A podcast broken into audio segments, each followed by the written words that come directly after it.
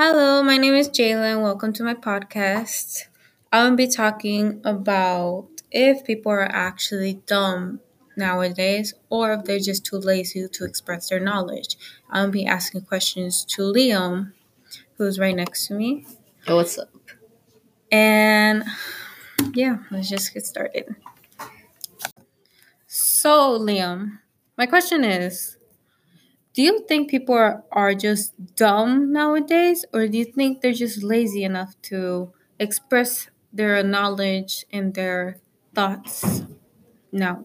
I think it's a combination of both because people are lazy as hell, but at the same time, they're dumb because the world we live in, it's like people aren't encouraged to like speak their mind or like to have their own original thoughts.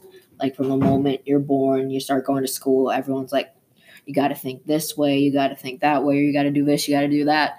So no one's ever encouraged to have their own opinion or thoughts. They just they're programmed. It's like having a bunch of robots wandering around the world.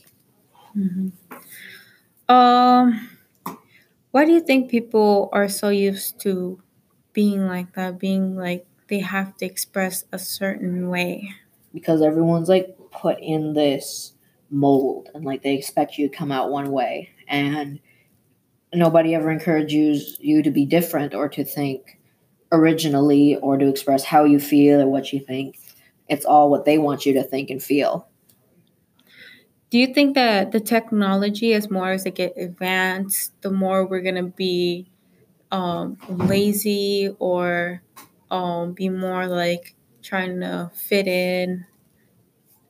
i think the the greater the power the greater the chance for misuse the greater the chance for downfall. Like people just don't think anymore.